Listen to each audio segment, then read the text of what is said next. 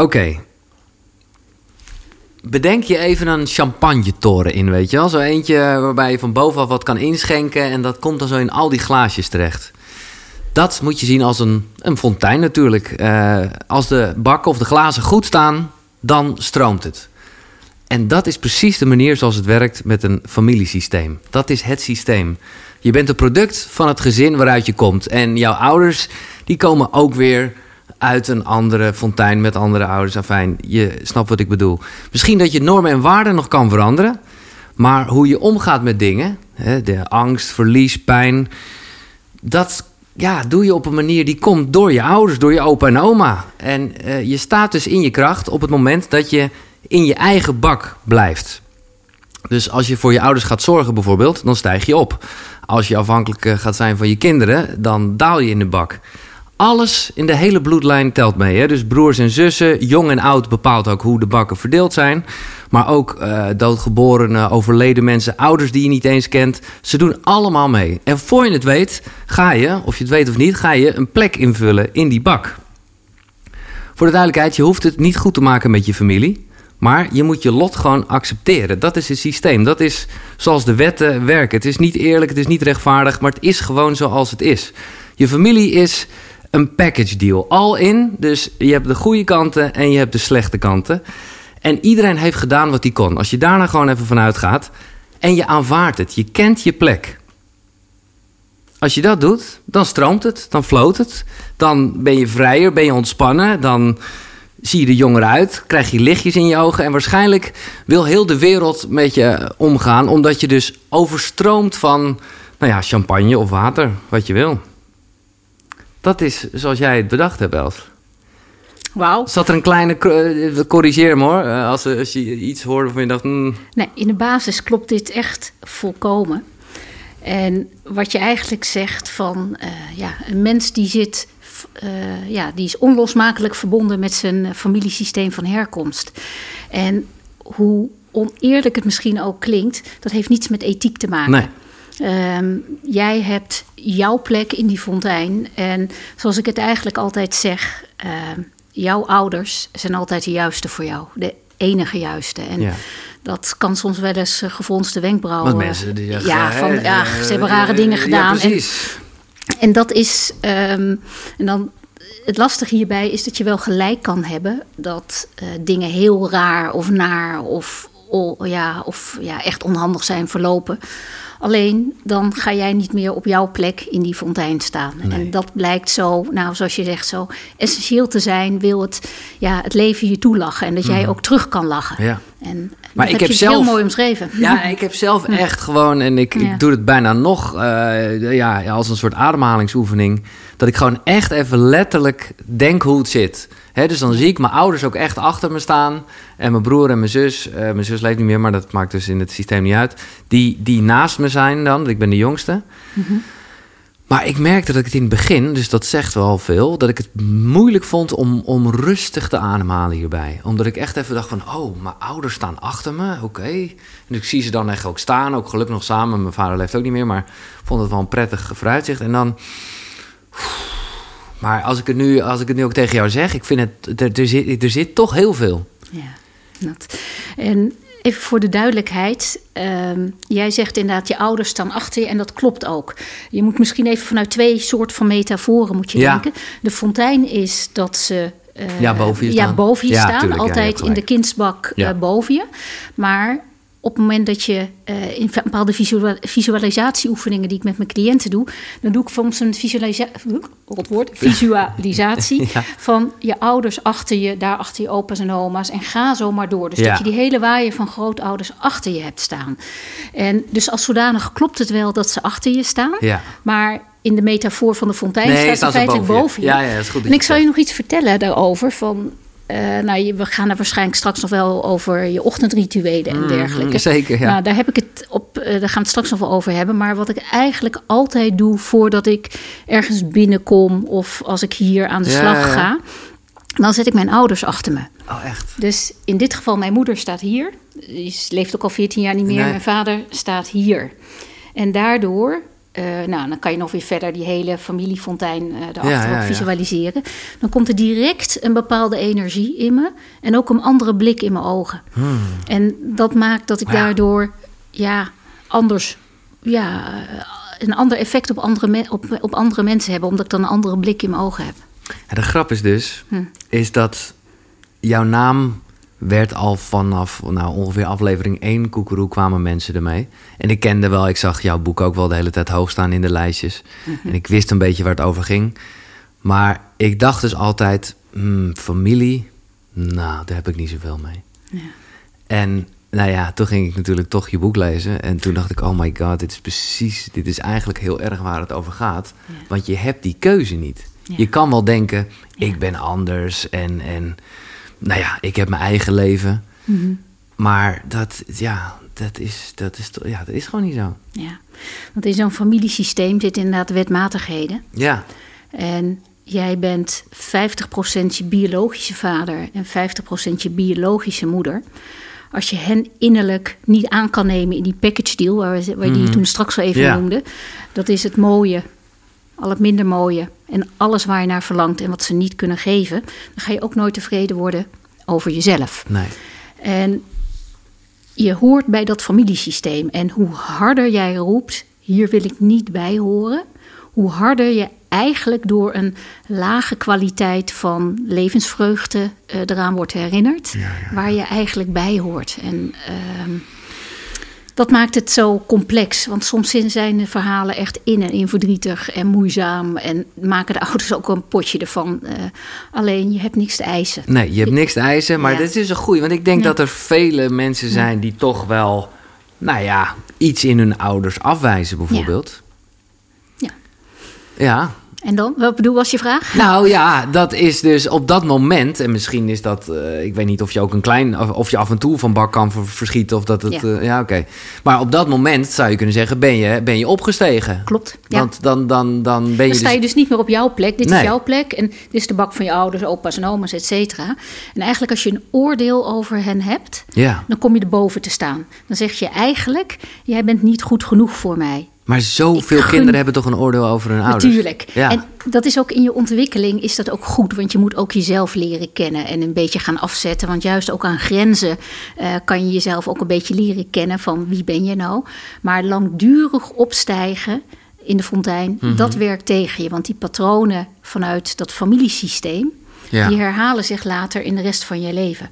Dus op het moment dat je altijd een oordeel over je ouders hebt, dan ga er maar vanuit dat je ook heel kritisch naar je omgeving bent Gewoon en ook naar jezelf. je werk en zo. eh, Precies. ja. Of je gaat iemand totaal ophemelen, Ja. maar dan zie je iemand ook niet. Je ziet pas eigenlijk iemand als je het mooie ziet, het minder mooie ziet en ook alles wat iemand niet kan leveren. Ja. Dus op het moment dat je iemand een goeroe-status geeft, dan zie je alleen het mooie. Ja. Maar dan zie je iemand nog steeds niet. Nee, en dat zie ik soms ook wel eens in de praktijk terug. Van eh, dat eh, vooral vrouwen, laat ik het zo maar even zeggen. Niet per definitie vrouwen hoor. Maar dat ze hun eh, vader ophemelen. Van nou, die staat echt op een enorm voetstuk. Mhm.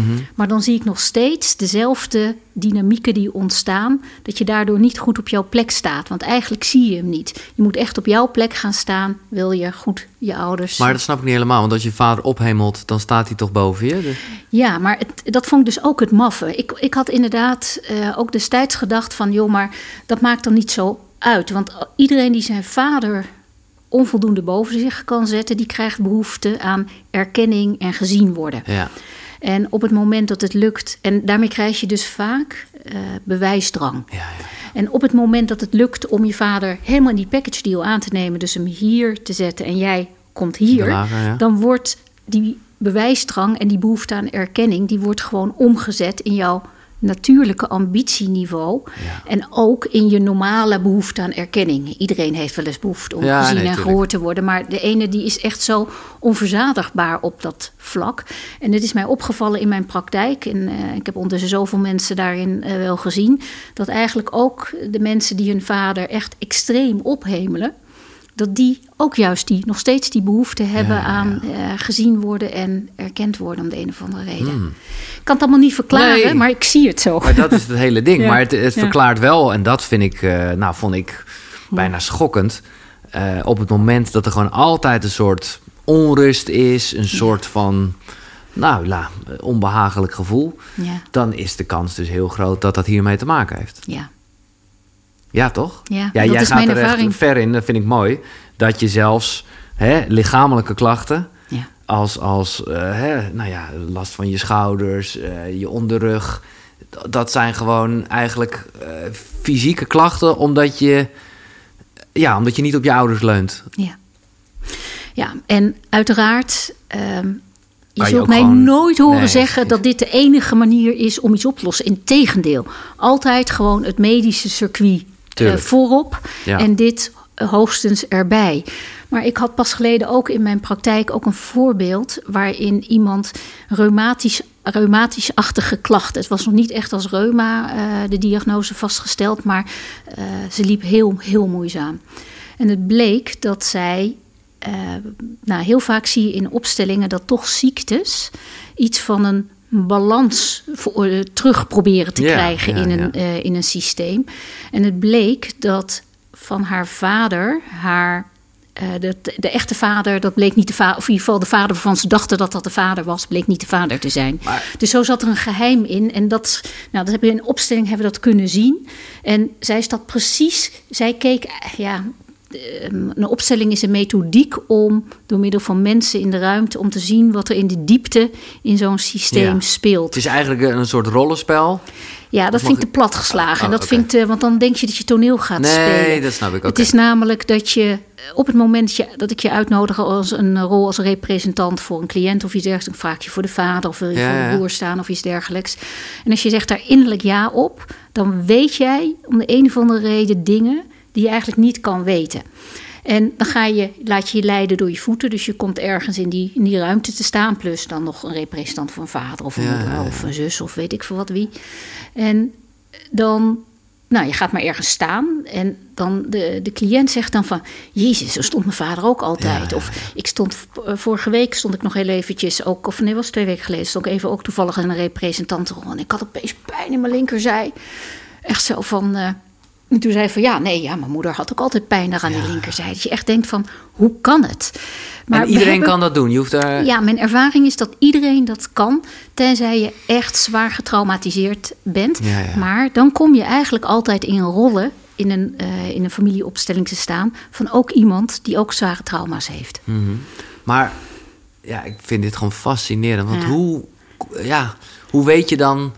Als er personen zijn waarvan je niet weet dat ze bestaan. Ja, Hè, dus ik eh, ga bij jou zoiets doen. ja, Ik blijk, ik noem maar iets. eh, er, blijkt nog een kind eh, te Ja. zijn waarvan ik het bestaan niet wist. Of Ja. hoe, hoe, dat wordt dan duidelijk in dat spel. Want dat is kan, niet. kan. Ja, het is geen spel. Nee, het is sorry, een beeld wat, wat daar zich, zich ontvouwt. Ja, Ehm, nou goed, daar moet je wel redelijk wat voor gestudeerd hebben om dat zomaar te kunnen zien. En je moet een, bepaald, een bepaalde mate van schoon zijn, wil ik, waardoor ik soms ook ingevingen krijg. ja, ja. Maar stel dat ik. ehm, stel de broers, zussen, dat er blijkt dat bijvoorbeeld toch nog ergens een, een vader nog ergens een kind gemaakt Ja, heeft, zonder ja. dat hij ervan op de hoogte is. Ja. Bedoel, een vrouw weet altijd dat hij een kind uitkomt, anders ben je wel heel eh, eh, Dat, ver eh, weg als je dat niet door hebt. Maar een, een vader of een man weet dat niet. Voor Nee. hetzelfde grapje ergens met een one-night stand heeft Ja. het leuk gehad. En daarna is aan de andere kant van de wereld een eh, abortus gepleegd, weet jij veel. Mhm. Maar dan is er nog steeds een kind. ja. En in een opstelling zie je dan eigenlijk altijd, als ik de broers en zussen naast elkaar zet, dat er soms een stuk eh, ruimte Dan opengelaten gat wordt. dan- Of iemand kijkt steeds ergens naar een bepaalde plek of iets dergelijks. En op die manier kunnen we erachter komen. En zodoende kwam ik er ook pas geleden, zei iemand ook zo van... oh, nu herinner ik me opeens dat, eh, dat er inderdaad in het dorp altijd de roddel ging... dat, eh, dat opa ook nog een kind gemaakt had. Zegt, was ik helemaal vergeten. Nou, en die bleek zo duidelijk dat hij Ja, in de opstelling erbij hoort. En een systeem gaat, eh, gaat, komt in rust Ja. op het moment en gaat goed stromen, de fontein... als iedereen die erbij hoort, erbij hoort. Ja, maar daar heb ik een vraag over even. Want Ja. heeft iedereen wel zijn eigen systeem? Ik bedoel te zeggen dat op het moment dat de bak van mijn moeder niet goed staat, omdat Aha. mijn moeder gewoon geen goede relatie heeft met mijn opa en oma. Mhm. Eh, dat is vooral even hard gezegd mijn moeders probleem. Eh, dus het is niet dat als mijn moeder, eh, als ik dit gewoon accepteer en aanvaard en ook Mhm. mijn, eh, hoe ik tegen mijn moeder aankijk, dan is mijn familiesysteem in orde, ondanks dat die van mijn moeder nog ontwricht is. Juist. Ja, ja, oké. Ehm, als we weer zo de fonteinen hebben. Ja.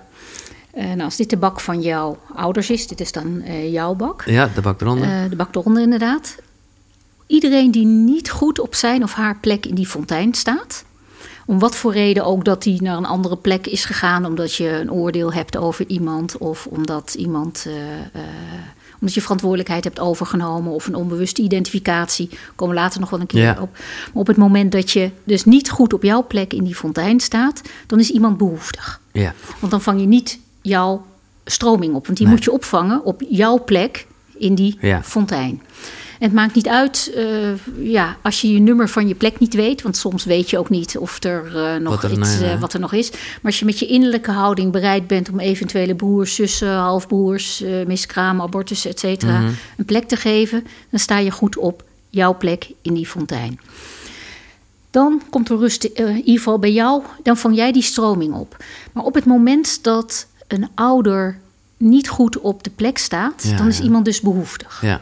Een baby kan al voelen in de buik en ook daarna of iemand behoeftig is of niet. Dus dan kan een kind, een baby, kan al beslissen van... ik ga voor jou zorgen, lieve mama of Dan lieve stijgt een papa. baby al op. Juist. Ja, ja, ja. Of, eh, of een oordeel, of dat je een, het leven van iemand anders gaat leven.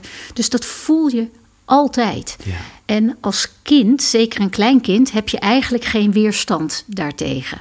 Je wordt gewoon, ja, je, staat niet op je plek, je gaat gewoon daarheen. Want voor een kind, vanuit de, de diepe liefde die een kind toch onbewust voor zijn ouders heeft, ook al wordt het kind in elkaar geslagen, het kind houdt toch van zijn ouders, zo simpel is Ja, het. ja, ja. Wil het dat het liever de ouders goed gaat dan zichzelf. Dat is het belangrijkste voor een kind, hè? Ja. Juist, dus dan komen ze dus te boven te staan. Dan moet je dus alles op eigen kracht doen in je leven, want je, je komt dus te boven te staan in plaats van dat je op jouw plek gaat staan. Ja. En dat kan je als klein kind kan je dat eigenlijk niet eh, voorkomen. Dat gebeurt gewoon. Maar op het moment dat je groter bent en volwassen bent, kan je op een gegeven moment andere keuzes maken. En dan kan je je eigenlijk leren om jezelf schuldig te maken. Want op het moment dat jij eh, je moeder bijvoorbeeld weinig vriendinnen eh, heeft en dat jij altijd eh, je moeder wil troosten of aan het lachen wil maken of gezellige dingen mee wil gaan doen omdat ze verder niemand heeft, sta je dus niet meer hier, maar dan kom je dus te boven te staan. ja, ja. Ehm, ja, dat voelt misschien wel even goed, maar uiteindelijk ga jij tekorten ook weer oplopen. En je lost er niets mee op, want het is niet van jou. Nee. Dat tekort van wat daarboven is ontstaan, dat kan jij niet oplossen. Nee.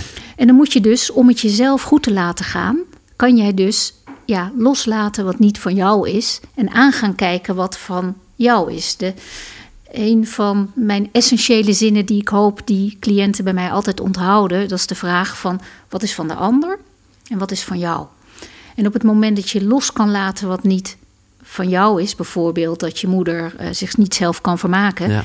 en je eventueel feedback geeft of grenzen Ja, stellen, dan komt zij daar. nee. Precies. En je gaat aankijken wat van jou is. Dat je daardoor misschien een stuk jeugd gemist hebt. Of dat je dat patroon zich herhaald heeft in jouw leven. En dat je eh, misschien heel eenzaam hebt gevoeld.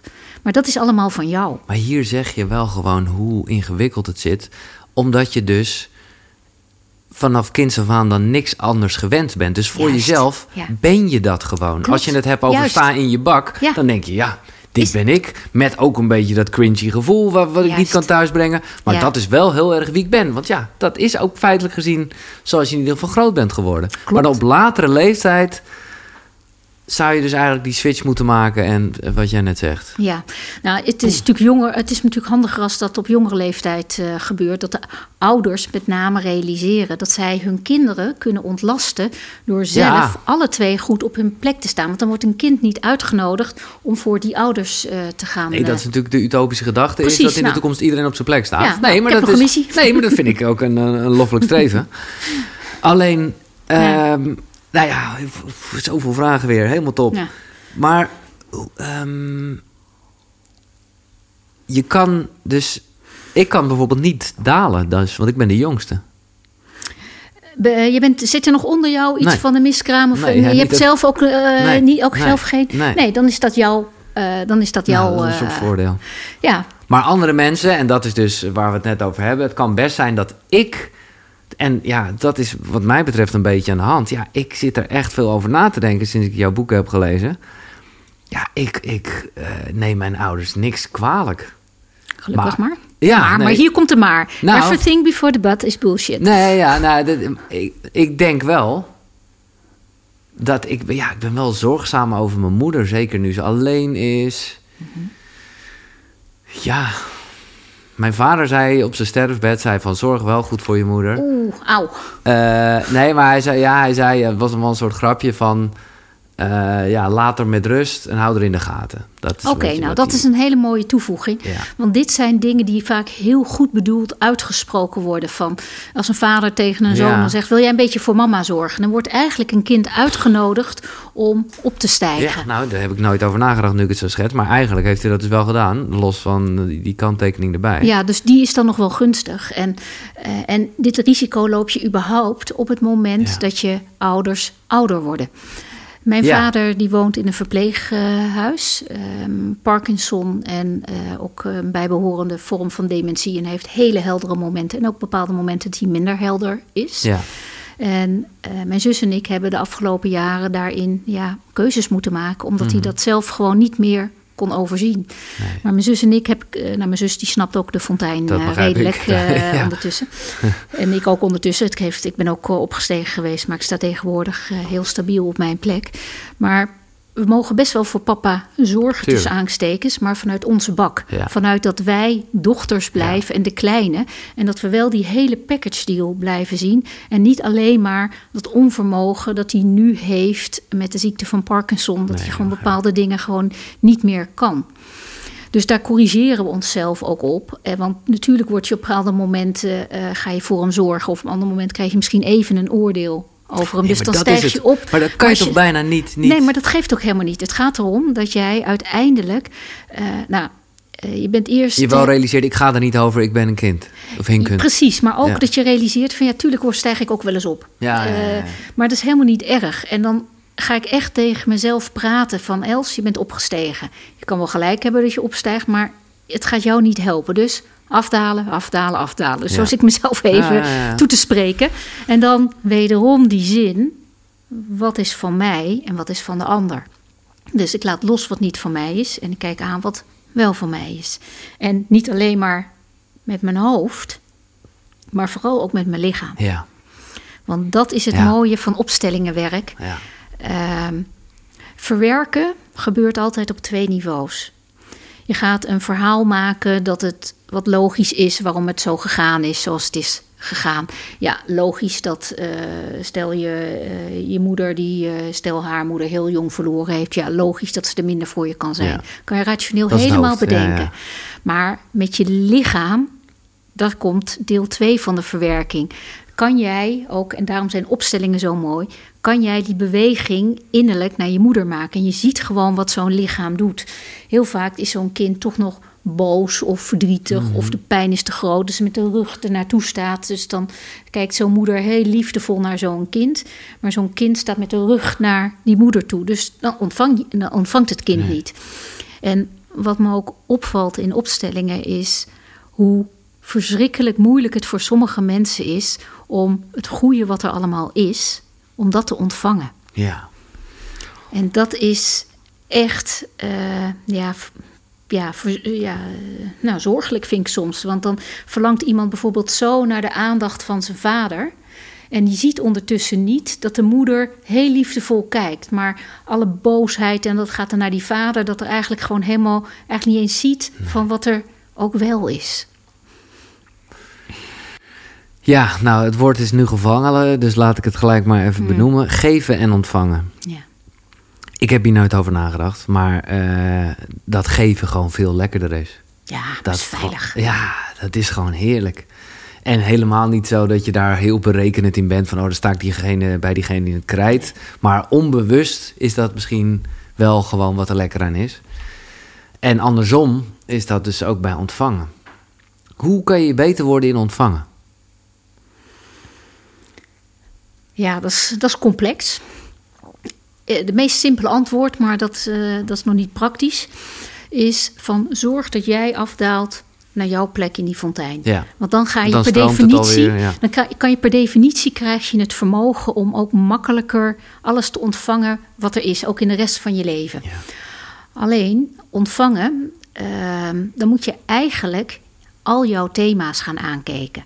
Want ontvangen is ja zeggen tegen alles wat er is.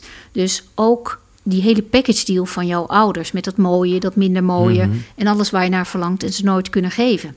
En ook als je daar ja tegen kan zeggen, ja, het is helemaal oké zoals het is gegaan tussen aanhalingstekens. Ik zeg niet dat je het leuk moet vinden, maar dat je accepteert dat de geschiedenis zo is gegaan zoals het is gegaan. Ja. En dat je je recht, zogenaamd dus aanstekens, je aanspraak op meer, dat je die opgeeft. Maar dat vinden we vaak vanuit ja, ons pijnlijke kindsdelen, vinden we zo ongelooflijk moeilijk dat we daarin blijven hangen. Terwijl die volwassene, die, die kan best wel eh, voor zichzelf zorgen Ja. op bepaalde manieren. En dingen die je tekort bent gekomen, kan je dan op een bepaalde manier ook wel eh, krijgen. Maar we blijven soms zo hangen in dat oude kindspijn, Mhm. waardoor je eigenlijk niet ontvangt wat er is. Want je hebt de valse hoop dat je ouders misschien toch een keer sorry tegen je gaan zeggen. Of, maar dat, dat gaat niet gebeuren. Of dat je ouders je opeens wel een keer gaan zien. Bepaalde zij zitten soms zo ingebonden in hun eigen thema's dat ze, ja, ze Nee, dat geven geeft wat zekerheid, ze kunnen. hè? Ja, precies. Dat, en eh, jij hebt ergens een quote van iemand... zekerheid is de vijand van verandering. Vind ik een hele mooie. Ja. Eh, omdat ik gewoon denk, ja, dat is... nou ja, wat ik eerder al zei... dat is dan wat je zo... In, waarvan je zo intens denkt dat je dat bent. Ja. Maar het is, kijk, nou ja, laat ik het eerlijk zeggen. Ik had niet verwacht dat ik, eh, maar kijk, dit is een goed voorbeeld. Dit, vandaag is mijn verjaardag, Els. Oh, hey, eh, gefeliciteerd. bent, bedankt. Dat wist Je- ik niet. Je, bent mijn, nee, maar je bent ook mijn hoofdcadeau. Ik meen het serieus, want ik zag Oh. erg uit naar dit gesprek. Hmm. Maar ik heb, nou, dit heb ik gewoon net als mijn moeder. Ik kan, ik ben heel slecht met verjaardagen. Ik vier het ook niet of nauwelijks. En door jou eh, en jouw kennis denk ik, oh, het zit hem gewoon in dat ontvangen. Mhm. Want ik word, dat vind ik ook inderdaad. Hè, ik heb liever kritiek dan een compliment. Ja. Dan, weet ik, dan kan ik er ook wat mee. En dan, ja, wat, wat moet ik met een compliment, weet je wel? Eh, dus vandaar was ook heel concreet mijn vraag hoe dat eh, te trainen. Maar ergens zeg jij gewoon, dat betekent ook dat ik gewoon misschien niet lekker in mijn bak sta. Ja. Ja. Ja. Ja. En ook, hoe gek het ook klinkt, er zijn meerdere dingen. Mag ik eh, meerdere dingen hierop ja, gaan zeggen? heel graag. Eh, Ehm, eerst de meest simpele. Ehm, geven en ontvangen betekent eigenlijk dat je het uit kan houden dat je je schuldig maakt. Op het moment dat het niet goed gaat, bijvoorbeeld met iemand die heel dierbaar is, je moeder of Mhm. eh, een zus of Ja. wie of wat dan ook, dan is het heel moeilijk om als broertje of als kind, als zoon, om het jezelf goed te laten dat het gaan. dan wel goed met jou gaat. Ja. Dus als het met jou, als jij gaat stralen terwijl het niet goed gaat met iemand van wie je zielsveel houdt, is het vaak makkelijker om jezelf klein te houden. Dus dan ga je minder aannemen. Want je, anders moet je namelijk je schuldig Ja, ja, maken, moet je uithouden. En dat kan je niet als je je lichaam niet goed bewoont. Ik gebruik heel erg de term eh, lichaam bewonen. Mhm. En ik heb nog wel eens discussies met eh, mensen die zeggen van ja, maar ik bewoon mijn lichaam goed. En dan zeg ik van nee, je bent goed afgetraind. Of jij kan hele mooie yoga, lenigheden en dergelijke. Ja. Maar ieder mens heeft ergens, zoals ik het dan maar noem, eh gatenkaasplekken, lege plekken waar je niet bij kan komen, omdat daar te pijnlijk zit. Dus dan kan je die, die kaas wel helemaal aftrainen, of goede vitamine of wat dan ook erin stoppen. Maar bij die andere plekken kom je niet. En op het moment dat je dus leert om je thema's aan te kijken op rationeel niveau, maar ook op emotioneel niveau, dan worden die plekken als het ware weer gevuld. Dus dan ben je steviger. Dus op het moment dat je je schuldig voelt dat het jou goed gaat, of zoals in mijn geval, mijn moeder was altijd overbezorgd over mij. Dus ik ben pas echt in, eh, nou, halverwege mijn studententijd ben ik pas echt eens wat, eh, wat dingen gaan uitproberen en eh, naar de andere kant van de wereld. Want kon, mijn moeder Nee. die kon dat echt gewoon niet handelen ongeveer. Maar dan moest ik me schuldig maken. En je, dat schuldig voelen, dat zit ergens. Nou, ga maar ergens zo tussen je gehemelte en je liezen. Eh, en dat gevoel moet je uithouden. Ja. En als je dat niet kan uithouden, dan ga je toch weer voor de zorgen. Of dan ga je toch bepaalde Ja. dingen weer doen, niet, eh, niet doen die je eigenlijk heel graag zou willen. Of dan neem je toch dat mooie, neem je dan niet aan.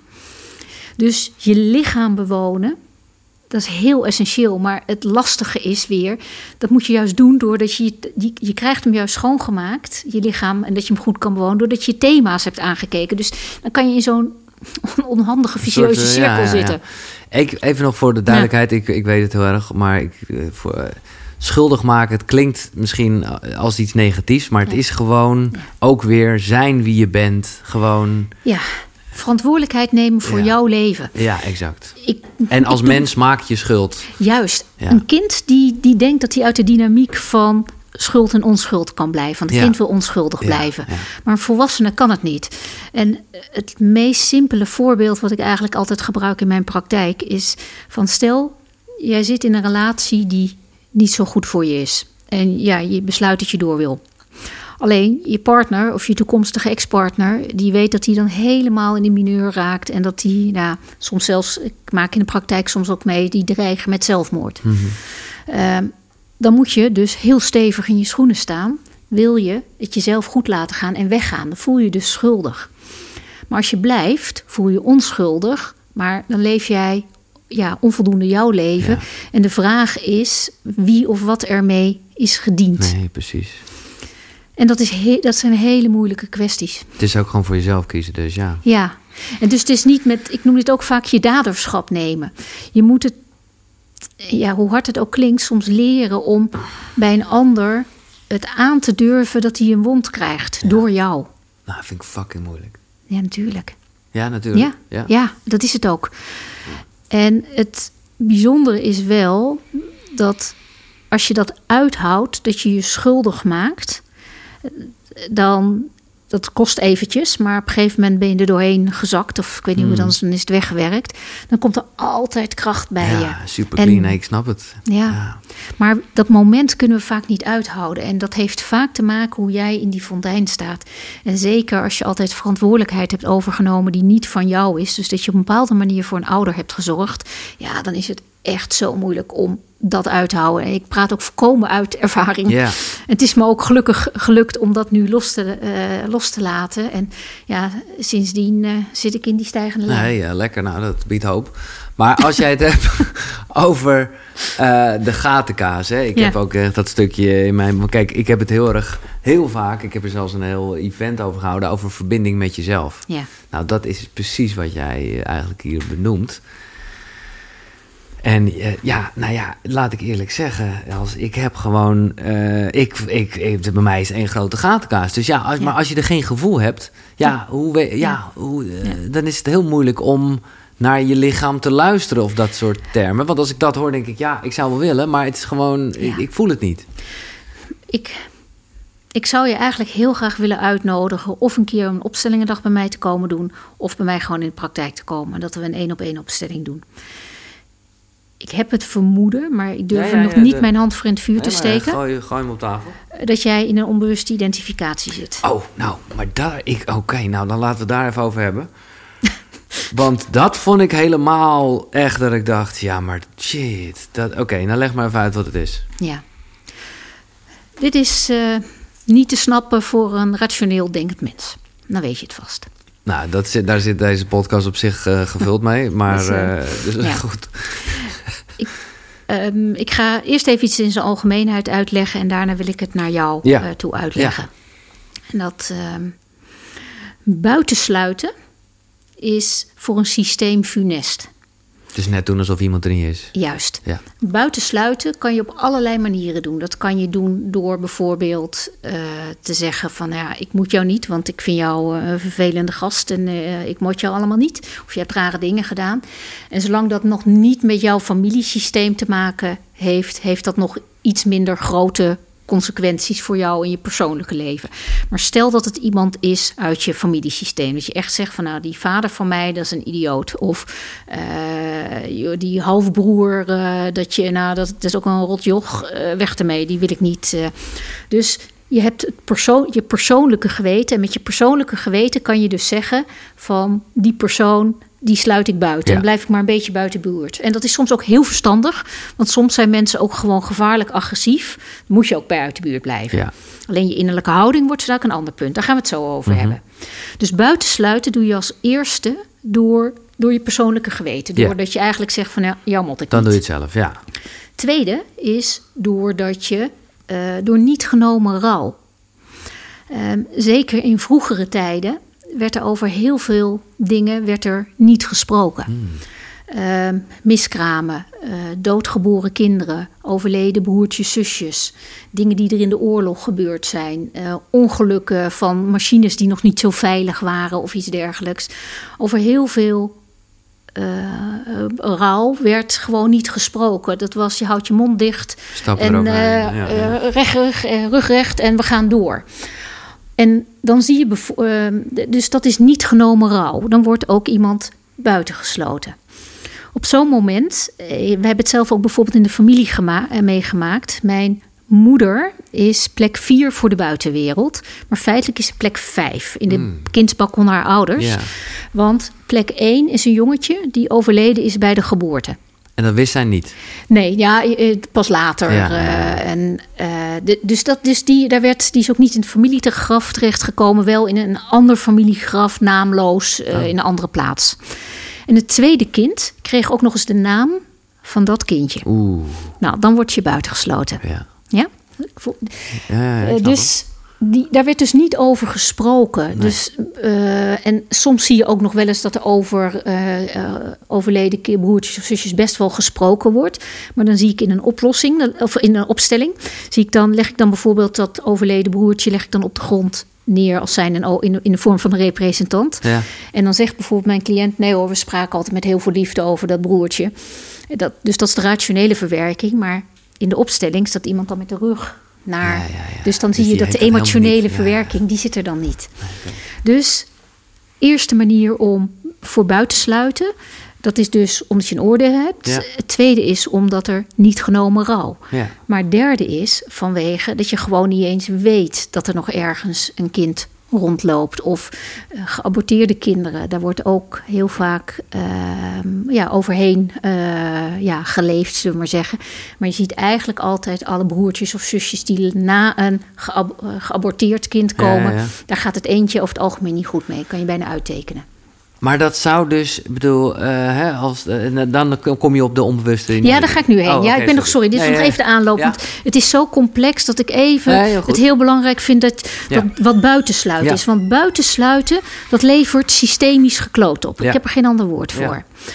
Een, eh, naast je persoonlijke geweten heb je ook te maken met een familiegeweten. En ook over organisaties zitten ook nog Ja, organisatiesgewetens. nog op.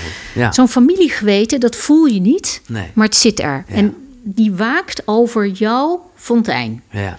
En het heeft als doel de hele club bij elkaar te houden. Nou, zie hier de ingewikkelde situatie die ontstaat. Dus als aan de ene kant iets, iets of iemand wordt buitengesloten, wordt dat familiegeweten wordt geactiveerd.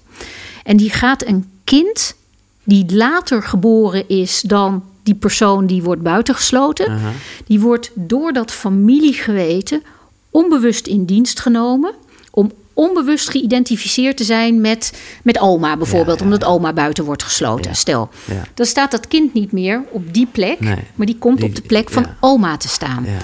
En op het moment dat je in een onbewuste identificatie zit, en dat heb je eigenlijk zelf niet door, dan leef je volgens de dynamiek: het zal mij niet beter gaan dan jou. En die jou is dan die oma. Oma in dit Eh, geval, ja, ja. precies. Nou, oma is het niet goed meegegaan, Nee. want die is, Ja. eh, die is buitengesloten. Want anders krijg je geen onbewuste identificatie. Nee. Dus dat betekent dat je een patroon gaat ontwikkelen, dat het je even goed gaat, Ja. maar daarna ga je jezelf saboteren. Ja. Want het is niet uit te houden om het jezelf te lang goed te laten gaan, want dan word je ontrouw aan oma. En zonder dat je het weet, is oma je grote liefde. Dus dan gaat het goed, maar dan ga je wel iets doms of iets onhandigs doen. Want En dan dat, ga je weer, dan gaat het weer slechter met je. En, Dan klopt het patroon, ja. en dan, hoe gek het ook klinkt, dan voel je je dus diep van binnen, voel je je onschuldig. Want je bent helemaal, je bent trouw aan die persoon. Ja. En dan wil je dus zelf, Ja. maatschappelijk wil je jezelf daar heel erg slecht voor laten gaan. Ja. Natuurlijk, in dagelijks leven klaag je erover. Maar diep van binnen ben je heel trouw aan die onbewuste identificatie. En dat maakt het dat je gewoon eigenlijk het leven net niet vol kan nemen. Dus niet kunnen, goed kunnen ontvangen kan dan dus ook een indicatie zijn als je met je innerlijke houding namelijk al wel je ouders redelijk goed boven je hebt Mhm. gezet en nog steeds heb je dat patroon van het gaat even goed en dan weer minder en gaat Ja. het dan kan je vaak wel uittekenen dat er iets van een onbewuste identificatie in zit. Hmm. En ik heb om de een of andere reden het vermoeden dat dat mogelijk bij jou het geval is. Ik Ja. zeg niet dat Nee, het nee, het geval is. Maar ik nodig je graag uit om een keer eh, langs te komen. en dan gaan we het. is eh, Dan heb je me zojuist het cadeau van mijn leven gegeven. hmm. Eh, is het dus zo dat elk, want jij zegt dat familie, het familiegeweten, ja. maar hè, mijn vader en mijn moeder komen natuurlijk alle twee uit weer uit, uit een eigen, hè, met, met een eigen naam. Dus dat, die, Ja, die hebben alle, alles. alle twee weer hun eigen familiegeweten. Nee, eh, ja. Ehm, je moet eigenlijk even zien, de fontein. Iedereen heeft eigenlijk net een iets andere fontein. Ah. Van wie daarbij hoort. Ja, ja, oké. Want ook jouw ex-partners, die horen er ook allemaal weer bij jouw familiesysteem. Nee, iedereen En heeft zijn eigen iedereen heeft zijn familiesysteem. En daar zit ja, dat familiegeweten eh, zit daar eh, er weer boven. Ja. Nou, ik vind het fascinerend. Want het is grappig omdat ik gewoon dit gedeelte ja, ook zo lastig vond. Omdat ik gewoon dacht, ja, als ik niet eens weet dat iemand bestaan heeft. Ja. En, en, en hè, het is ook niet dus zo, hè, laten we even het voorbeeld van de oma maar aanhouden. Daarvan weet ik dan natuurlijk wel dat die bestaan heeft. Maar het is niet zo dat mensen mij actief eh, vergelijken met je oma of zo. Hè. Dit, is, dit is allemaal puur onderbewust. Absoluut. En je ziet als je in een opstelling, dan zet ik, eh, nou dan ga je een stelling een representant van Ja. jou op. En dan kijk je meestal of in de verte of naar de grond, niet per definitie, maar Ja, ja. En dan, dan laat ik bijvoorbeeld even je vader, laat ik naar je uitspreken van, ik ben je vader en jij bent mijn lieve zoon. Nou, een, een, een kind eh, in een gezond patroon, die gaat dan even kijken van, goh, ja, sorry, ik heb een stijve nek, maar Mm. Ja, dat is een beetje anders te maken. Ehm, van, goh, wat, eh, Ja, ja, ja. van, hé hey, papa, ik, eh, maar iemand die in een onbewuste identificatie zit, die blijft naar die bepaalde plek zitten. Dat is het dominante patroon. Je, je kan niet loskijken, eh, wegkijken. Het is En ook, bijna alsof je bezeten bent, joh. ja, dat, ja, hoe gek het, nee, ja, Nou ja, dat, is, dat is negatief. Maar ja. je kan, en mag ik nog een uitstapje maken, of Ja? wordt het dan weer ingewikkeld? Nou ja, probeer het. Ehm, in een systeem horen ook eh, nou, miskramen, geaborteerde kinderen, dat snappen we ondertussen Ja. allemaal. Ook alle gebeurtenissen waar niet over gesproken wordt. Dus vaak ook oorlogsproblematieken. Maar ook daders. Daders worden die niet bij jouw familiesysteem horen. Of nee, eh, nee Die laat ik het de anders familie zeggen. horen, maar wel iets heftigs geflikt hebben met stel, de familie. Precies. Stel in jouw familie. Dus mijn is, opa bijvoorbeeld heeft in een kamp gezeten. Ah, oké. ja. Ik weet er verder niks van hoor. Ik weet toch Ja. wel dat dit zo is. Maar je zou je kunnen voorstellen dat ergens een, een beul, om het zo maar te zeggen, Juist. een rol heeft in dit. ja, Ja, Ik, ik wil hem even, mag ik hem zo naar, ja. naar die generaties doen? Daar wil ik absoluut ook wel iets over zeggen. Maar ik wil hem even nog heel even ergens Hmm. anders heen trekken. En dan, dit zit wel het verlengde van eh, dat soort dynamieken. Ehm, stel dat in, eh, in jouw familie iemand een dodelijk slachtoffer heeft gemaakt bij een auto-ongeluk. Ook puur per ongeluk, gewoon pech, eh. Ja. gladheid, weet ik veel wat. Verzin het scenario. En daar is iemand bij, over, eh, bij overleden. Dan ben, is het er iemand van jouw familie is dader. En die heeft een slachtoffer gemaakt in de andere familie. Op dat moment komt de dader ook in het familiesysteem van die precies. ander. En het slachtoffer komt in Ook- het systeem van Oh. jou erbij. Maar je kan voorstellen dat een miskraam of een geaborteerd kind, nou, die heeft nog een vaste plek in een systeem. Ehm, maar een eh dader-slachtoffers, dat zwerft ergens altijd een beetje rond. Ja. Dus dat geeft altijd onrust in een systeem. En eens in zoveel tijd lijkt er iemand onbewust geïdentificeerd te raken met bijvoorbeeld zo'n dader of met een stelletje slachtoffers. Dus op het moment dat je iemand onbewust geïdentificeerd is met die daders, dan kan je soms echt spreken van nou hier is echt iemand bezeten op een bepaalde manier. Want je volgt vaak ook wel iets van het patroon van, eh, van de persoon waarmee je bent, bent geïdentificeerd. Dus op het moment dat jij onbewust bent geïdentificeerd met een dader, dan ben je eerder vertoon je vaak ook nog wel daderschap. En dan hoef je niet per se echt het criminele pad op te gaan. Kan wel, maar het hoeft niet. En ook in mijn praktijk krijg ik om- soms ook wel eens die kinderen die klagen over hun ouders van ze alleen maar slachtoffer blijven. Ja, dan kan het soms een enorme opluchting zijn dat ze kunnen zien in een opstelling dat bijvoorbeeld zo'n ouder onbewust is geïdentificeerd met zo'n slachtoffer. En die volgt dus ook dat patroon. Ja. En die komt er dus niet uit, hoe gek het ook klinkt. En dat maakt dus dat je op een andere manier naar de omgeving, naar, naar je ouders of familieleden kan kijken, waardoor er weer iets van rust komt. En, want ik ben weer geneigd, uh, maar dat, daar zit het hem niet in... om dus ontzettend veel gesprekken te gaan voeren met mijn moeder... om, te, Nee. om erachter te komen Nee. of allemaal even dit soort dingen gebeurd is. Ik, als ik eh, even een opstelling met je doe, kan ik je loepzuiver vertellen of jij een onbewuste identificatie hebt of niet. Als in nu, of... eh, Dat, nou, ik, ik weet niet of het nu het juiste moment is. Dat lijkt me nu even niet. Maar in theorie zou het kunnen. Oké. Wauw. Ehm, En op het, ma- mag ik Ja. richting, ehm, je zegt kampverleden. Wat, Ja. wat kan je, wil je daar iets ik, over ik, zeggen? ik weet er niet zoveel van. Ik weet- welke kant van de eh, familie? van mijn moeders kant. En wie heeft daar in... in Mijn opa, dus haar moeder, haar vader. Oké. En wat in, is in Jappenkamp of in Duitsland? Of Jappenkamp, ja. Jappenkamp, ja. Ja. Uh, uh. ja, wat...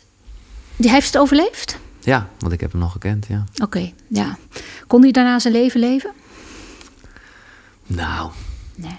niet echt natuurlijk. Vaak is het inderdaad ook dat het heel moeilijk is om uit te houden dat jij het wel gered hebt en de anderen niet. Dus dan ben je bijna soms ook onbewust geïdentificeerd dus met de slachtoffers Ja, die het ja. niet hebben gered. Jezus. En daarmee ja, kan je eigenlijk je eigen leven niet leiden. Nee.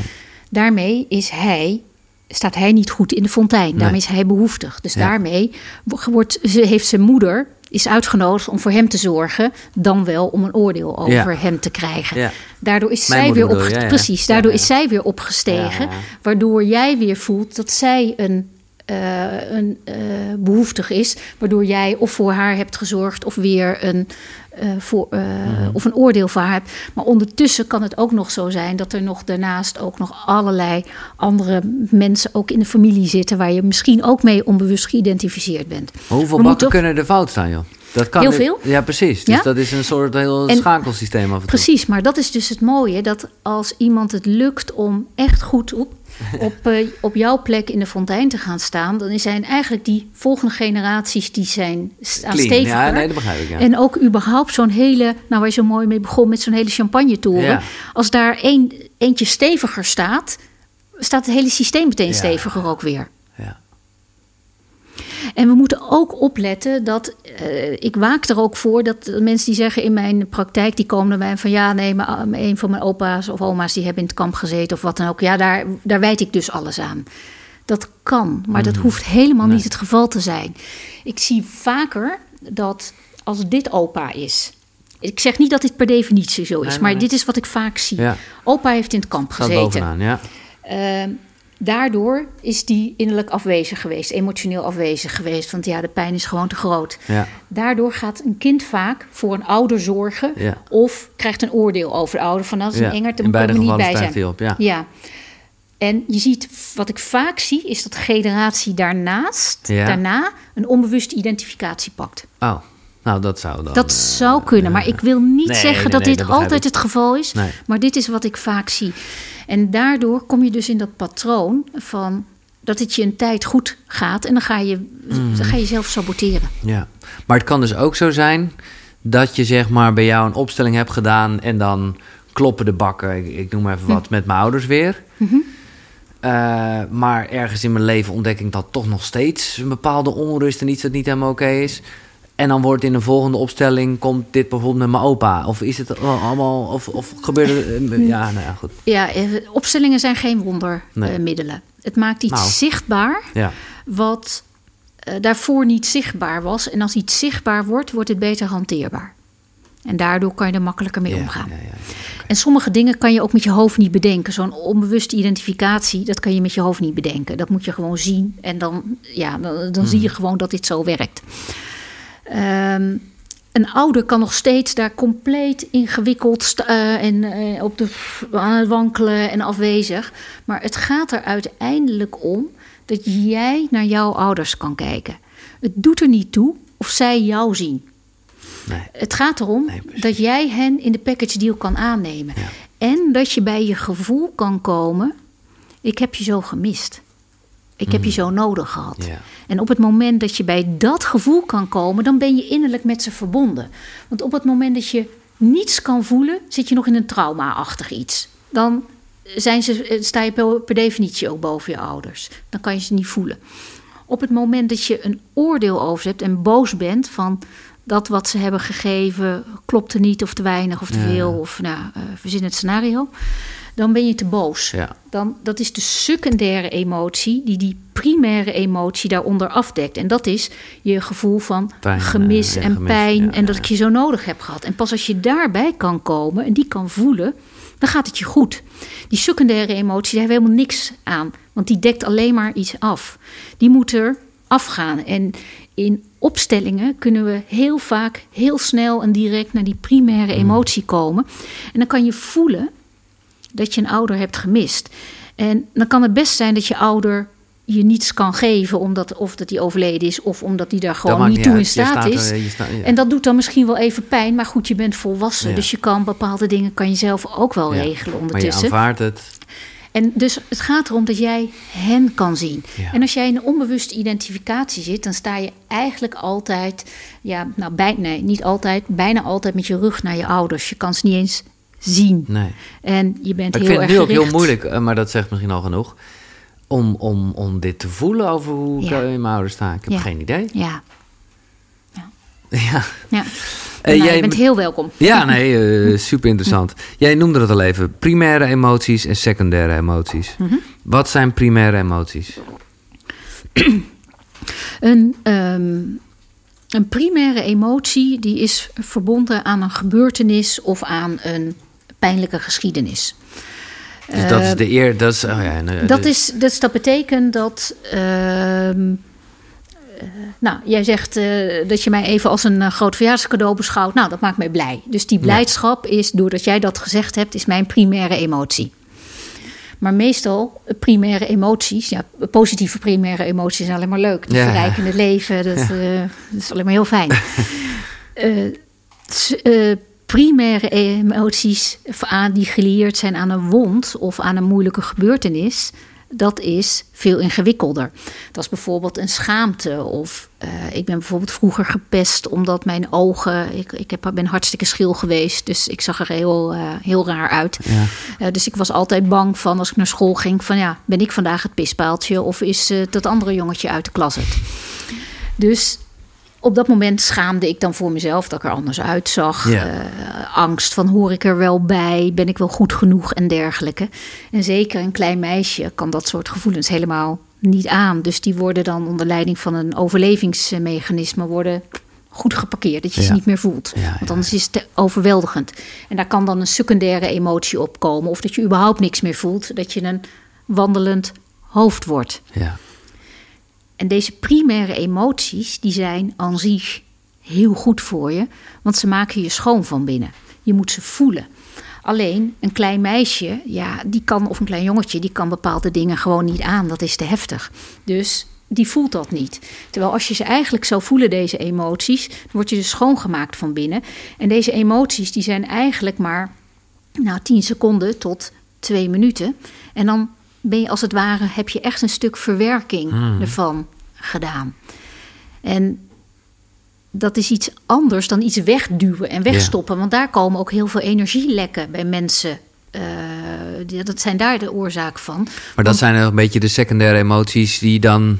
Ja, die na, de, na het wegdrukken aan zich van dat soort primaire emoties, Ja, dat kost gewoon dat energie. kost gewoon energie, ja. dus, dus daardoor hebben mensen energielekken. Maar er worden ook vaak secundaire emoties Ja. overheen. Van boosheid, verontwaardiging, Opstand, geïrriteerd, whatever, ja. eh, wat klagerig, wat slachtofferig. Maar ook een bepaalde vorm van depressie is ook een, iets, een deken die Mhm. alles afdekt wat eronder zit. Ja, En naar buiten lijkt het dat dit soort mensen heel goed in contact staan met hun emoties. Maar eigenlijk kunnen mensen die in secundaire emoties zitten net zo min voelen als mensen die, wat ik dan noem, een wandelend hoofd, omdat Ja, ze dichtzetten, omdat ze niet willen voelen. Alleen het ziet er aan de buitenkant heel anders het ziet uit. er heel emotioneel uit, maar het zijn niet de echte eh, pure emoties. Ja, en de, de, de, de, de trucje wat ik eigenlijk al... Nou, geen trucje, dat is een verkeerd woord. Ehm, bij anderen kan je eigenlijk heel makkelijk voelen of het primaire of secundaire emoties zijn. Bij jezelf is het altijd wat moeilijker. Mhm. Want bij de ander, van, eh, als je bij iemand in secundaire emoties zit, dan ben je daarna helemaal leeggetrokken. En heb je van. Alsof je voelt diep van binnen, ja, dit is niet waar het over moet gaan. Dit is niet echt, oké. Terwijl op het moment dat iemand echt in en in verdrietig is, of zich heel erg schaamt, of heel erg uh, ja, zich afgewezen voelt of iets dergelijks, dan kan je rustig bij iemand blijven. En dan, dan, word je niet, uh, dat, dan loop je niet op leeg. Hmm. Dus bij anderen kan je dat heel goed voelen. Maar bij jezelf is het vaak veel moeilijker. En dan is het vaak toch de graadmeter. Als het na twee minuten die emotie niet een klein beetje eraf is. Ja, dan ga je er dan maar vanuit dat je nog eigenlijk in de secundaire zit. Ja. Dus zo heb je ook secundaire tranen en primaire tranen. Je hebt secundaire boosheid en primaire boosheid. Ja, ja, ja. En de ene is gewoon op dat moment duurt ook maar eventjes. Ja, de, de, de, stel dat jij op straat loopt met, uh, met een goede vriend... en die vriend wordt opeens in elkaar geramd door iemand. Nou, dan word je even heel boos. Ja. Dat, is, dat is een primaire emotie, dan ga je die vriend beschermen. Maar in de meeste gevallen is boosheid iets wat iets, afleg, uh, iets afdekt. Want die boosheid is makkelijker om boos te zijn uh, op die werkgever of op uh, je vriendje of op dan te voelen dat je eenzaam bent, machteloos bent of, of wat dan ook. Ik zou je zeggen, Els, maar goed, we gaan een sessie plannen. ik weet helemaal niet wat boos zijn is. Ja. Mm -hmm. Ik heb geen idee. Ja. En als jij zegt, je beste vriend wordt in elkaar getrapt. Nou, ik denk dat ik vooral ga huilen als ik eerlijk ben. Ja. Maar -hmm. goed, ik mag toch hopen dat ik wel iets doe hoor. Maar uh, het is wel een heel extreem voorbeeld. Uh -huh. Maar dat is gewoon, ja. Dat, maar goed, dat is. Uh, ja. dat Oké. Okay. Um, je hebt zeven kernwaarden, heb jij het over? Ja. Als mens zijn. Ja. Kan je, weet jij ze zo? Zeker. Oké, okay, ze zijn uh, oké. Okay. Absoluut. Ja? Oh, dat is, een, uh, dat is mijn uh, verschrikkelijk belangrijke leidraad in mijn leven. Maar ieder mens heeft zeven kernwaarden. Zoals ik het zie. Ja. Um, er zijn meerdere uh, theorieën Ja, daar allemaal over. De Ja. ene zegt, ja, je hebt er tien. De andere zegt, je hebt er drie. En verzin elke getallen die er Oké, ervoor ja, en daarna en eronder boven zit.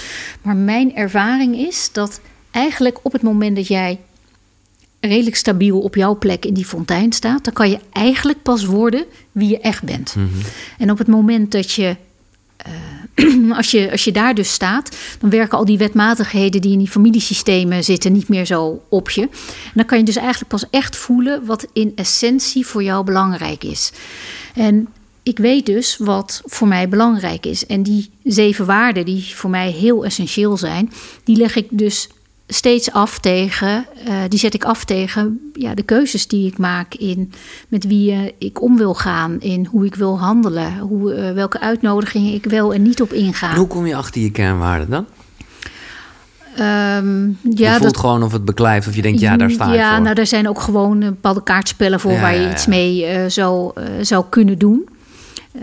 Um, maar het is vooral eigenlijk een goed. Uh, als je gaat kijken naar momenten in je leven, dat je echt het gevoel hebt van: ja, ik liep daar te stralen. Ik, Mhm. uh, wauw, Ja. dat, dat was echt fantastisch. En niet omdat je echt smoorverliefd bent of wat dan ook. Nee, dat vind nee, ik dat is te veel adrenaline. Ja. Uh, maar dat je echt denkt van: oh wauw, dit kan, mag eindeloos doorgaan. Dit klopt gewoon. Nou, als je van al die verhalen, als je die naast elkaar gaat leggen, dan kan je meestal zeven waarden die identiek zijn, die je over al die verhalen heen kan leggen. En idem dito, op het moment dat je echt helemaal Ja, bent, dat was je echt denkt van. die waarde aan de hand. Ja, Oh, ja. eh, en je weet dat het niet een secundair. Ja, er zit Ja. misschien ook wel iets secundairs in, maar. Nee, ik snap wat je bedoelt. ehm, en dan worden eigenlijk heel veel van die waarden overschreden. En zit er nog een volgorde in die waarden of zijn ze gewoon alle zeven even belangrijk? Zoals ik het zie, zit daar geen volgorde Nee. meer in.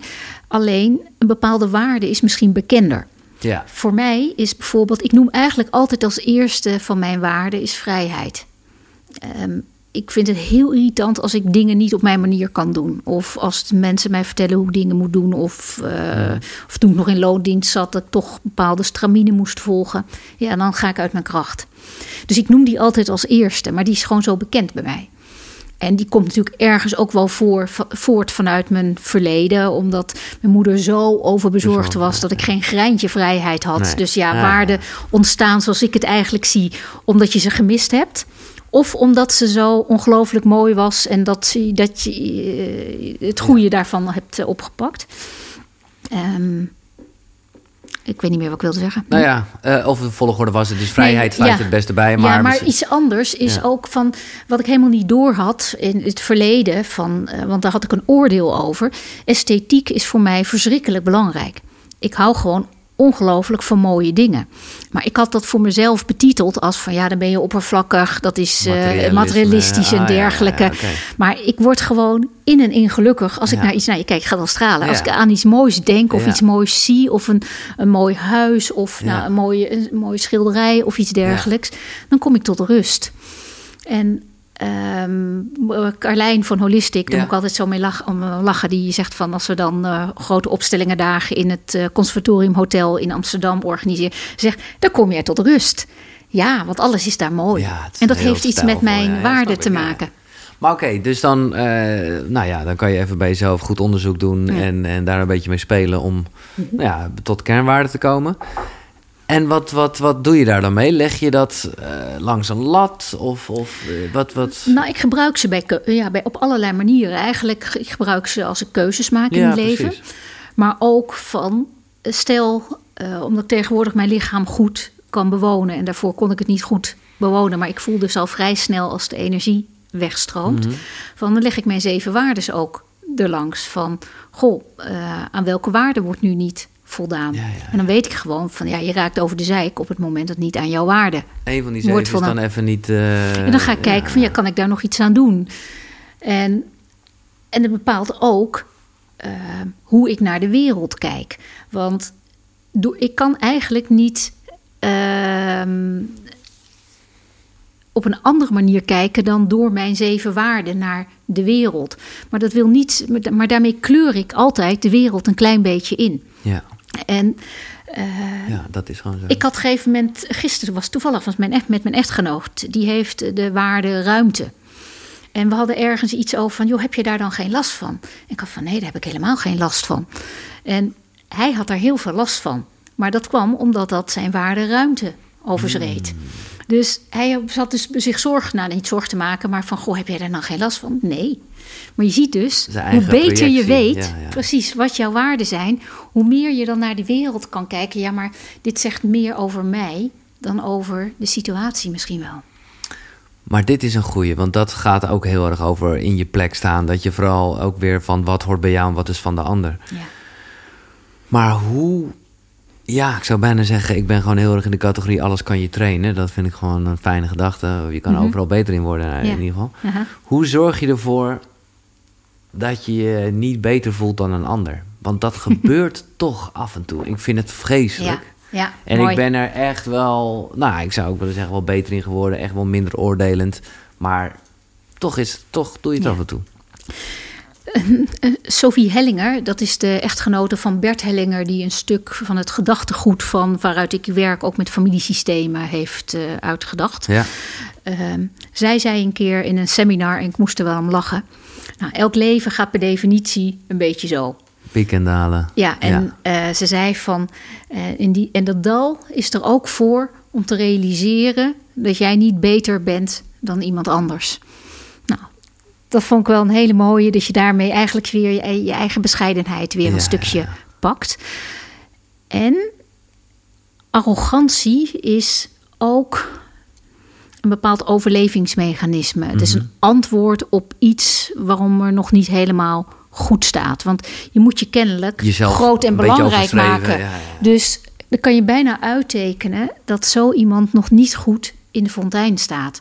Want op het moment dat je dus goed in die fontein staat, dan zowel je vader en je moeder, als zij mogen zijn wie ze zijn in de package deal, dan word jij dat ook. En op dat moment kan je zowel het mooie, het minder mooie, alles wat je, ah, en ook wat je niet kan leveren, kan je bij jezelf daar eigenlijk innerlijk ja tegen zeggen.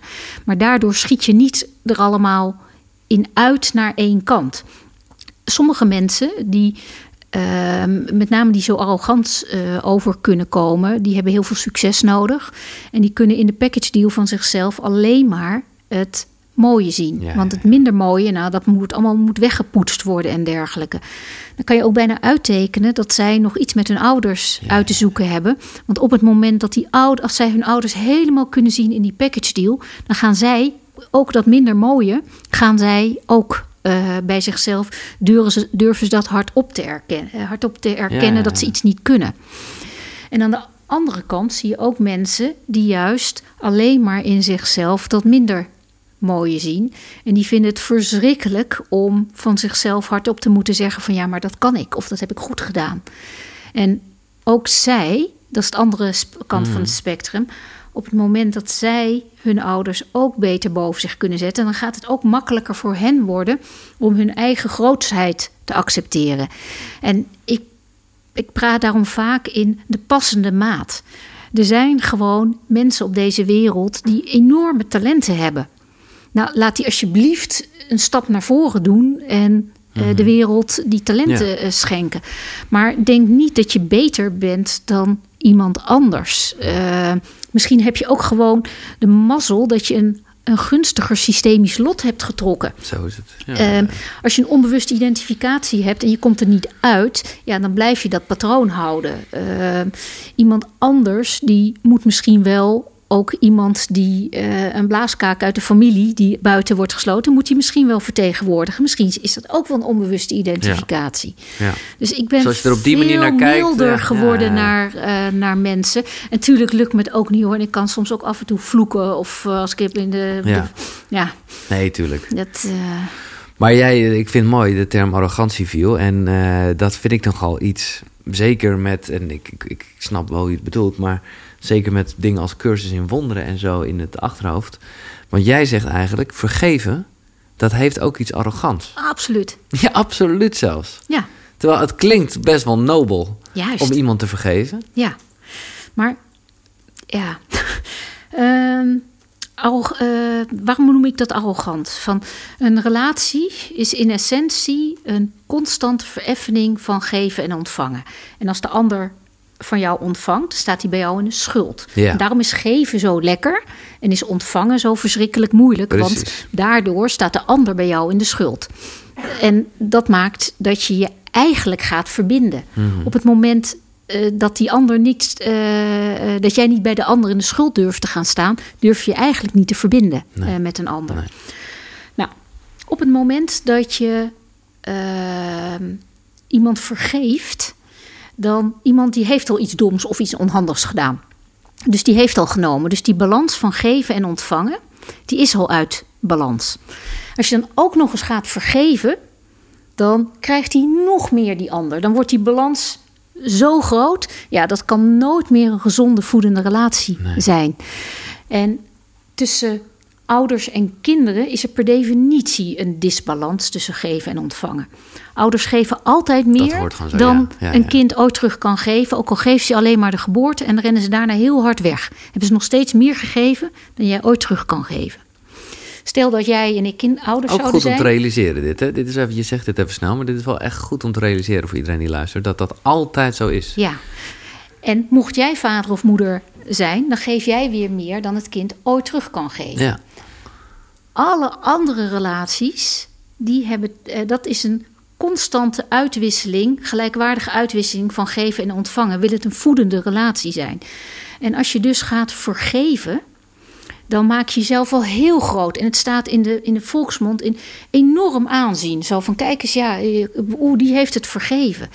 Er schuilt meer heling in te zeggen... ik laat de, de volle verantwoordelijkheid voor het deel dat van jou is... laat ik bij jou. En ik kijk mijn aandeel daar zelf in aan. En stel dat dit in een relatie is, van stel iemand is vreemd gegaan of wat dan ook, dan eh, zeg je ook niet, vergeef je. Ik laat bij jou wat van jou is Ja. en ik kijk aan wat van mij is en ik kies opnieuw voor je. ja. Dan krijg je een relatie kans van slagen. Maar dat is ook, eigenlijk sluit het wel goed aan op wat, wat bijvoorbeeld Willem Glaudemans hierover zegt. Dat het vooral gaat over accepteren. Ja, en, en, nou, en het is eigenlijk ook, ik wil er nog aan toevoegen, de term loslaten. Ja, Je laat het los. Wat die ander wel of niet gedaan heeft, dat is van die ander. Daar hoef je helemaal niets mee. Die volle verantwoordelijkheid, die laat je daar. Wat je dus ook in systemisch werk met opstellingen heb, dan wordt er heel vaak gezegd: ik, ik, ik geef de last terug aan jou, uh, papa of mama. En dan draait mijn maag al bijna om van: oh nee, alsjeblieft niet. Je geeft het niet terug, je laat het los. Ja. En of die ouders dat wel of niet oppakken, dat is niet aan jou. Maar ik vind het een soort dunne scheidslijn hoor. Want, want kijk, als je gewoon heel empathisch bent, ja, ik weet niet, dan. dan is het niet zo dat je vergeeft als in dat je jezelf erboven plaatst. Maar dan snap je gewoon wel heel goed waarom iemand iets gedaan heeft of iets Ja. niet gedaan heeft. Ja, maar dan, dan praten we over hetzelfde. Dan wordt het gewoon een, een, eh, ja, Ja. een, een spraakverwarring Nee, qua ja, woorden, qua nee, definiëren maar, ervan. Maar je ziet wel van in de volksmond, van moet je voelen wat je wat het doet van stel dat een kind tegen een moeder zegt, een moeder die heeft steken laten van om wat Ja. voor reden dan ook, ik vergeef je. Ja. Nou, dan voel je toch direct Ja, dat, dat- zo'n kind naar ja. boven gaat. Dat, dat klopt van geen kant. Nee, dat kan niet. Lieve mama, ik laat bij jou wat van jou is en ik kijk aan wat van mij is. En ik laat het los. Ja. Ehm, we hebben het al een beetje gehad eh, daarnet over relaties. Laten we daar even, want dat is toch ook wel weer een vak apart natuurlijk. Eh, liefdesrelaties bedoel ik dan maar even. Ehm, dat is ook onderdeel van het systeem. Mhm. Daarbij heb je altijd bak 1 en 2. Zit een Nee, plek. Plek, sorry. Plek Ja. 1 en 2. Mhm. En dat is, je zou kunnen zeggen... Nou, nou, nog een soort van traditioneel. Of althans is het net hoe je het invult. Mhm. Toch? Want dat zit er wel een beetje. Ik vind, Ja, nee, ja, dat is... dat is mijn eigen. ja. Nee, dat is mijn eigen beperking dat ik dit Ja. nu zeg. Ja. Eh, maar goed, in, ik weet in jouw relatie, jij staat op plek 2. Ja, Wat betekent dat? ja. Ehm, in de kindsbak, eh, je bent altijd, eh, nou in ieder geval zoon van je ouders, sta Ja. je in de kindsbak onder je ouders in volgorde van geboorte. Ja, In een relatie ehm, vorm je samen, als het goed is, een, eh, ja, sta je ook samen in een bak. ja, En dan kan je plek 1 of plek 2 hebben. Ehm, nu gaat het even heel traditioneel kl- klinken, maar we gaan even door. Ja, ja, ja. Even, vandaag ga ik het nuanceren. Plek 1 in de relatie, die doet de verdediging van een systeem in de basis naar buiten. Plek 2 doet de verdediging van het systeem naar binnen. En om het even heel erg plat te, slaan en even heel simplistisch te stellen. Vroeger, voor zover we het wisten, weten, eh, gingen de mannen op jacht. En dan kwamen ze terug en dan zeiden ze van... nou, hier is helemaal niets meer eh, aan eten te krijgen. We moeten gewoon een stukje verderop, want anders verhongeren we. Of er staat daar een hele vijandelijke eh, stam. Eh, het is handig, gaan we het niet van winnen. Het is handiger als wij Ja. even een stukje opschikken. Nou, plek 1 doet de verdediging van het systeem naar buiten. En daarmee schep je automatisch randvoorwaarden voor plek 2. Plek 2 die eh, doet in de basis de bescherming van het systeem wat meer naar binnen. En beide plekken staan ten dienste van elkaar. Dus dan zou je meteen kunnen zeggen van ja, plek 1 is eh, de man en plek 2 is de vrouw. Maar dat blijkt in de praktijk niet zo te zijn. En in, de, in opstellingen kan je dit heel goed aanvoelen wie welke plek heeft. Ik heb zelf plek 2, dus mijn man staat hier. Je moet Ja. even denken dat het een, een rechtsdraaiend systeem is. Dus dat betekent met de klok mee. Ja, dus dan ja. is dit plek 1, Rechts is plek ik, eh, ik sta plek 2. Daarmee sta ik als het ware een stuk in de luwte van mijn echtgenoot. En hij regelt bepaalde dingen voor me die ik echt niet kan. Ik ben, eh, mijn vak, daar weet ik, daar krijg je me niet van in de stress.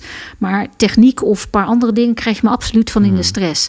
En hij regelt gewoon, zonder dat ik het hoef te vragen, regelt hij het voor me. Daardoor kom ik volledig hier in mijn kracht te staan en kan ik volledig bij mijn talenten komen en kan ik mijn, kan ik mijn leven leven. En Ja. ondertussen verdien ik, doordat met mijn boeken het gewoon hartstikke goed gaat, eh, verdien ik eh, meer dan eh, door mijn echtgenoot, omdat die boeken zo Ja. ongelooflijk goed lopen. Maar ik blijf gewoon een plek twee. En daardoor kom ik juist in mijn kracht. Ja. Als ik daar ga staan, dus op plek 1 en dat hij in plek 2 zou worden, dan voel ik het direct in mijn lijf dat ik ga verstijven of dat ik Gebeurt dat dat alerte. Nou, zelden, maar ik, Ja. ik probeer ik extra erop te letten dat ik ook als ik naast hem loop, dat ik aan deze kant loop. Ja, ja. Ook Oh, in bed liggen en dergelijke, of als we op de bank rustig eh, zitten, dan ga ik, eh, ga ik echt wel op plek 2 zitten. Maar ik heb genoeg vrouwen in mijn praktijk die in plek 1 zijn. Ja. En mijn moeder is ook een plek 1. Als ik mijn moeder eh, wat ik aan het begin ook Ja, zei, van ja. eigenlijk een van mijn rituelen is ook altijd als ik ergens heen ga, dan zet ik even mijn ouders achter me. Ja. Dan komt hier mijn moeder, plek 1, en Oh, daar mijn vader, plek 2. Mijn vader werkte meer, verdiende meer, maar als het erop aankwam, verdedigde mijn moeder het systeem. Ja, oké, dus want ik heb wel ergens toch nog een beetje over die moeder-vader-verdeling. Vond ik een mooie, zo van de vader laat de wereld zien, de moeder het leven. Ja, dat is ook een stuk wat Bert Hellinger zegt. Van je moeder zet, zet je in de wereld Ja. en je vader zet je in... Nee, sorry. Eh, ik zeg een fout, eh, herhaling. Je moeder zet je in het leven Ja, en je vader zet je in de wereld. En wat er eigenlijk mee bedoeld wordt, is dat als je je ouders goed boven je kan zetten in een fontein, daarmee gaat het leven per definitie stromen als je je moeder goed boven je kan zetten. En je lijkt met meer gemak je weg in de wereld te vinden als je je vader Ja, beter ja, boven je kan zetten. maar misschien was dit bijvoorbeeld bij jou dus wel omgekeerd dan. Of moet ik dat niet zo zien als, als, bij, eh, als jouw moeder meer het systeem... Nee, het is, Dat heeft eh, daar niks nee, mee te maken. Het Nee, is. Dat is waar zij staat. Dus als Ja. ik visualiseer, Ja, zeg maar, of de fontein zo naar boven of naar achter me, dan staat hier de kant van mijn moeder en daar de kant van mijn vader. ja, Maar bij heel veel mensen is het andersom. En ik maak heel veel ook in mijn praktijk ook mee dat soms mannen ook wel eens ervan schrikken van, oeps, ik ben een plek 2. ja. Nou ja, en dan zijn ze in de stress en ik van. Ik Prima, denk juist, je moet juist ook heel krachtig zijn om daar stevig Mhm. te staan. En stel dat hier een, stel dat ik nu even plek 2 sta als man zijnde, Ja. of, of vrouw maakt trouwens ook niet uit. En hier staat een stevige plek 1. Als die omgaat, dan staat er een stevige plek 2. Je moet juist ook heel sterk zijn en heel krachtig zijn om, om goed op die plek te gaan staan. En kan je zo zeggen van ik ben een 1 of ik ben een 2 of bepaalt de relatie, eh, dus kan dat per relatie zeg maar verschillen? Ja, het kan per relatie verschillen. Waarbij ik wel zie dat de meeste mensen Bepaald type. over het eh, algemeen meer een plek 1 of 2 zijn. Maar heel af en toe kom ik tegen dat het zelfs soms in een relatie ook nog kan Switch. wi- switchen. Ja, ja, Maar meestal is het toch dat je of het een of het andere. Ja. Ja, het deed me heel erg denken aan waar ik veel van geleerd heb ook aan ehm, Jan Geurts, Verslaafd aan Liefde. En ook wel een beetje aan Liefdesbang van Hannah Kuppen. Omdat Mhm. Ja. je dus heel erg ook eh, in jouw systemische gedachten...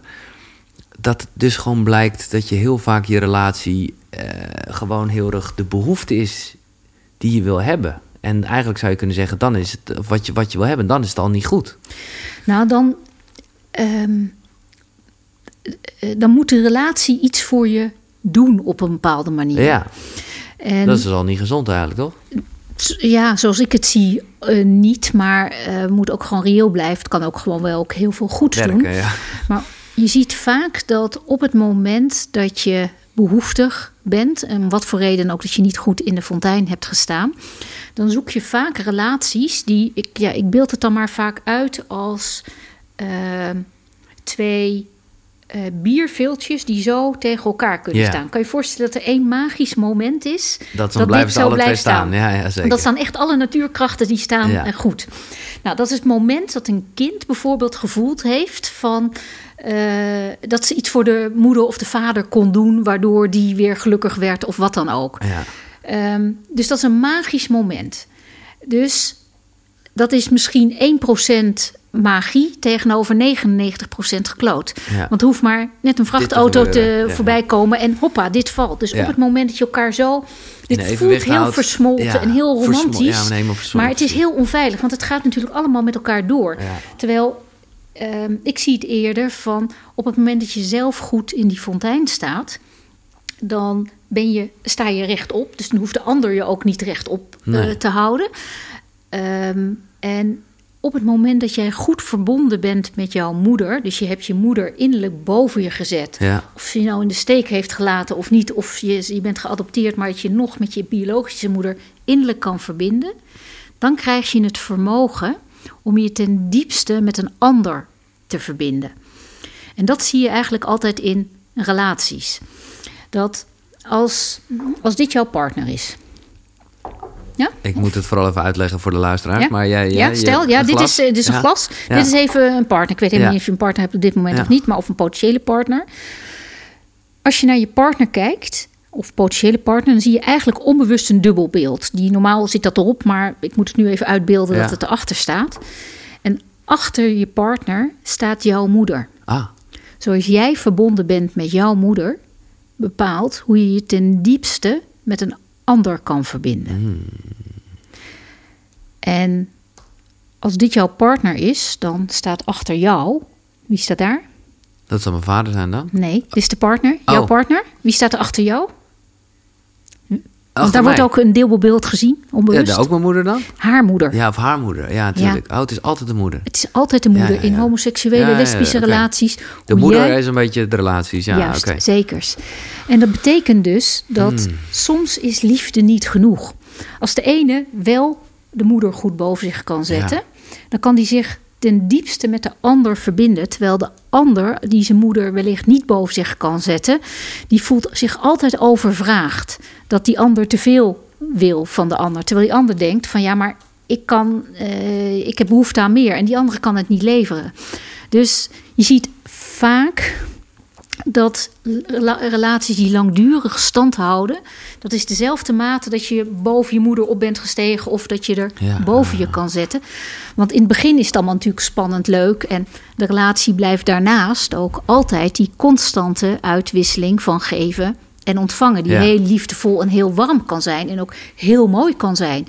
En het kan waarschijnlijk ook een hele goede relatie zijn. Ook al kunnen jullie je moeder misschien totaal niet boven je zetten. Dan kan dat een hele fijne en evenwichtige relatie Ja, zijn.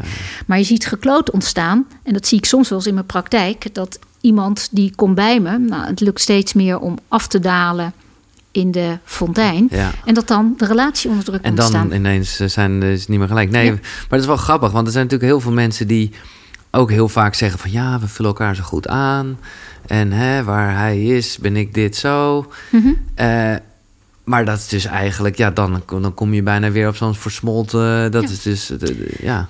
Maar als dat prima voor iemand is, Nee, is, dat, is dat natuurlijk prima. Ehm, als je praat over echt gezonde, autonome relaties. Ja.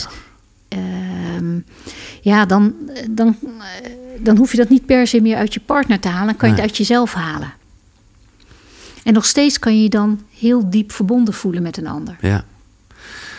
Nog even iets eh, wat mij ook wel eh, aangreep. Dat ik dacht, oh ja, ik vond het wel iets romantisch hebben. Maar eh, als je een ex hebt, want even voor de duidelijkheid, als je dus heel veel relaties hebt. dan heb je dus, ja, ja, dan neem, je ook dat weer mee in je volgende relatie. Hè, dat, die, die Je krijgt een volgend nummer. ja, zo is het. Eh, maar jij hebt het er op een gegeven moment over dat je ook gewoon wel... dat je nooit een stukje van je hart moet laten liggen bij een ex. Ja. Ja, kan je daar wat meer uitleg over geven? Want ik, ja, ik voel dat wel zo. Ja. Ehm, ik krijg soms in mijn eh, eh, praktijk eh, nou, mensen bij me. En die dan zeggen van nou, die relatie, nou, dat was, was fantastisch. En het heeft ook niet gewerkt. En ze ook snappen waarom het nooit. En het is dus uitgegaan. En, eh, en ze blijven naar die persoon verlangen. Ook al hebben ze ondertussen een andere relatie. Terwijl ze ook gewoon met hun hoofd weten: dit werkt niet. Nou, wat er dan soms gebeurt is dat zonder dat je het doorhebt, dat je als het ware een stukje van je hart aan die ander hebt gegeven. Ja, Dus dan ben je zelf niet meer compleet. Dus dat verlangen wat je denkt te voelen naar die partner of die ex-partner, is eigenlijk naar de compleetwording van jezelf weer. ja, ja, ja. Dus het is. eh, Hoe nou, pak je dat terug? ja, ik doe dat vaak door meditaties met mensen of ook in opstellingenwerk. En soms ja, zijn mensen ook op een bepaalde manier creatief om met hun eigen ja, eh, ja, eh, imagination noemen we dat, Ja, verbeelding, voorstelling, ja, eh, ja. ehm, om daar een manier voor terug te vinden. Ehm, en ja, maar meestal doe ik het wel met bepaalde meditaties. Ja, ja, oké. En dan, eh, want eigenlijk heb je, ik, be- ik omschrijf het soms ook als een appelboom. Je hebt als het ware dan, eh, dat stukje hart is je appelboom. Je hebt die hele appelboom, of een stuk van die appelboom, heb je dan bij die ander gelaten. Ja. Alleen die appelboom is van jou. De Ja. vruchten van die, van die appelboom mogen, mogen volledig daar blijven. Maar die appelboom boom, is van ja, jou. mooi, die moet je mee terugnemen. Want anders dan kan je je daarna nooit meer echt helemaal Nieuwe, verbinden met die ander. En dat zie je ook gewoon soms in werk. Dat iemand is bij een werkgever weggegaan en die blijft ja, met zoveel liefde, zo verlangend terugpraten uh, en terugdenken aan die, uh, aan die werkgever. Dat het eigenlijk daarna nooit meer lukt om zo je voldaan te voelen in, in bepaald werk. En dan kan het dus ook soms zijn dat er ook daar een stukje hart uh, nog achter is gebleven. We hebben het niet eens over werk gehad. Uh, ik weet nu al, uh, ik zeg het gewoon even, dames en heren. Dit was het uh, einde van deel 1. Ofthans, ik ben nog lang niet klaar over relaties. Maar ik wil het ook nog zeker over werk hebben. En ik zie al, of ik voel al aan alles dat de tijd... Ja, ik vind het fantastisch zelfs, deze, deze inzichten. Dus ik zou zeggen, blijf luisteren. Ofthans, tot in deel 2. Hoi!